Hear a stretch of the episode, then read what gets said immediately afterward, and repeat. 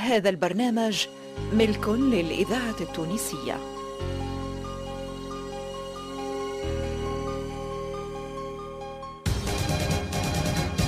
خلية الإنتاج الدرامي بإذاعة الكاف تقدم.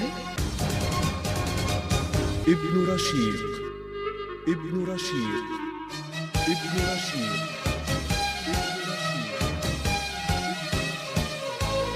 شاعر القيروان.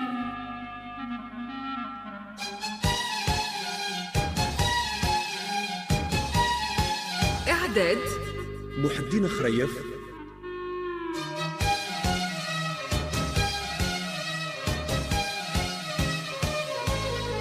إخراج. الصادق الماجري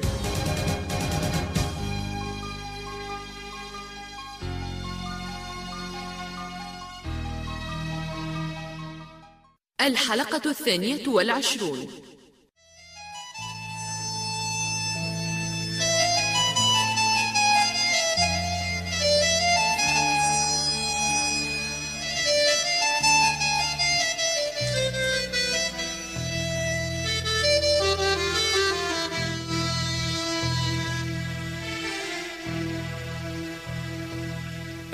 يقرأ شعر ابن رشيق يتأنى قليلا قبل أن يحكم بأنه شاعر له من الإبداع ما يسلكه في جملة المبدعين. يأتي بالغريب المطرب والعجيب الذي تستلذه الأسماع وتهتز له القلوب. ومن هنا نعرف أن إبداع ابن رشيق الحقيقي في نقده للشعر واستيعابه لكل مدارسه واستخراجاته التي جعلت منه إحدى المدارس النقدية في الأدب العربي وتاريخه.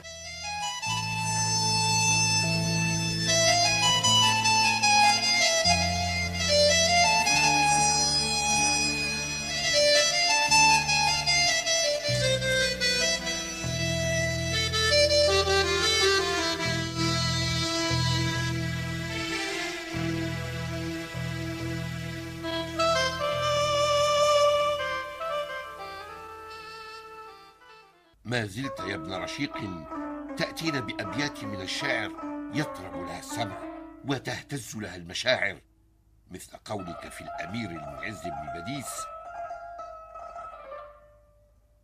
أصح وأقوى ما سمعناه في الندى من الخبر المأثور منذ قديم أحاديث ترويها السيول عن الحياة عن البحر عن كف الأمير تميم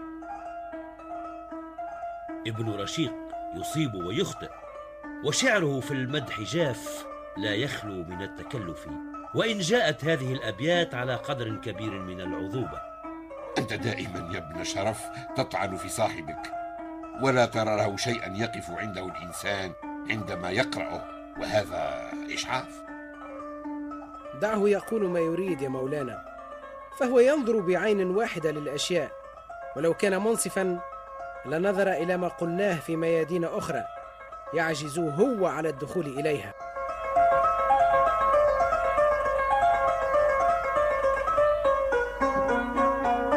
أما قرأت ما قاله في الغزل والوصف مثل قوله سألت الأرض لم جعلت مصلى وتربها للورى طهرا وطيبا. فقالت غير ناطقة لأني ضممت لكل إنسان حبيبا. هذا جميل. ولكن ليس كل ما قاله ابن رشيق مثل هذا. وأنا لا أنكر أنه يتسلق جدار الشعر ويوشك أن يصل إلى شرفاته.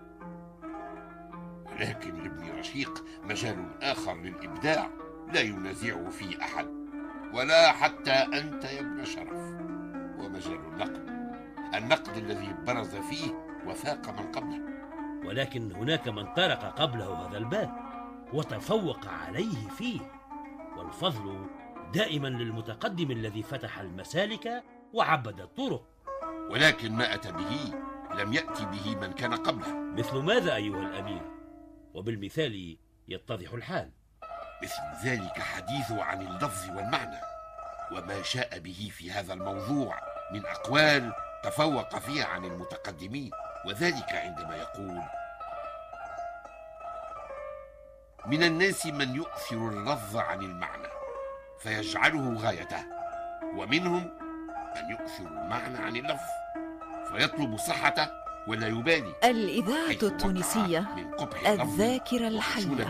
وسوء موقعه. أنا تعجبني صورة أخرى جاء بها ابن رشيق ليؤكد هذا المعنى. وما هي هذه الصورة التي أعجبتك يا برهان وأنت شاعر مثله؟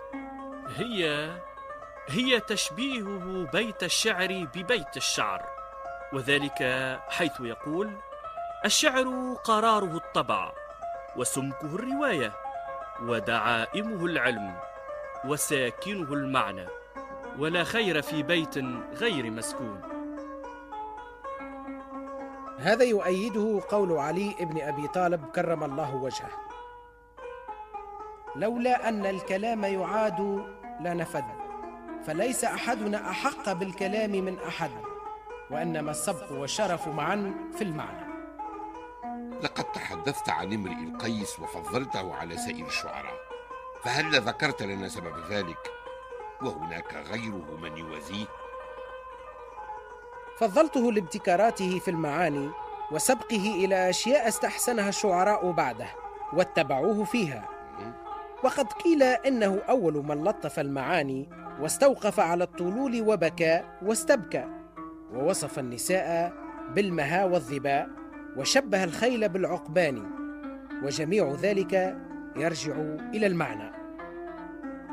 كما نراك تعجب بابن الرومي فهل عللت لنا ذلك؟ لأنه يعجبني حسن تصويره وأتيانه بما لم يات به غيره من الشعراء.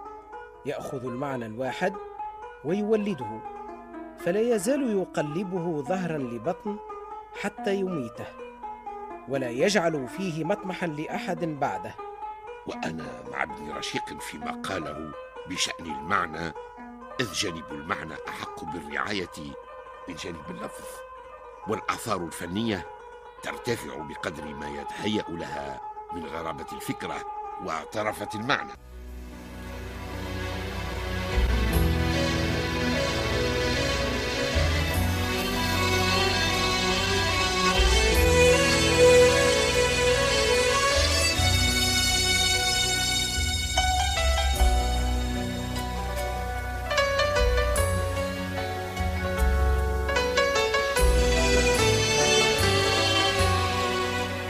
عندما تخترق الكلمات أعماقنا وتصل إلى مواطن الحس فينا لا نعير للألفاظ اهتماما وإنما نعتنق المعاني التي تذهب بنا إلى متاهات حياتنا لنراها في عبارة.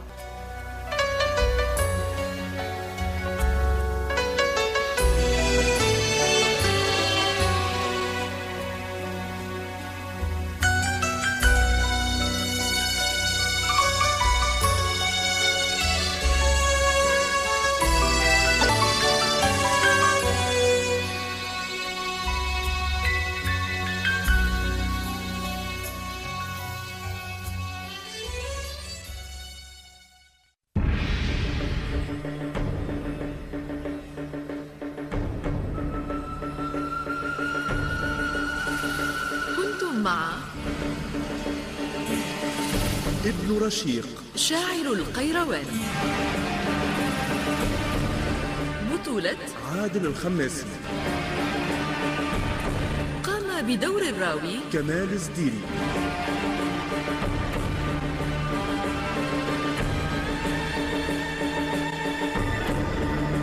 ضيوف الشرف.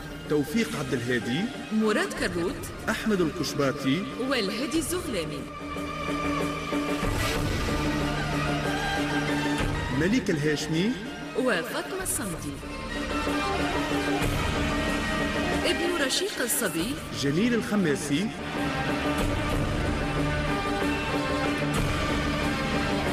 تمثيل.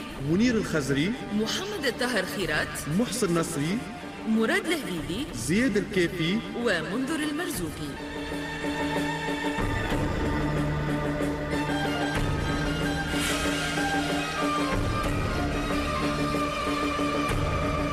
تم التسجيل بأستوديوهات إذاعة الكهف.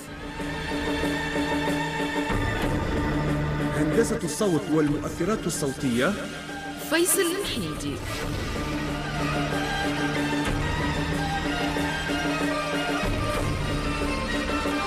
المراقبة اللغوية الدكتور يوسف العثماني.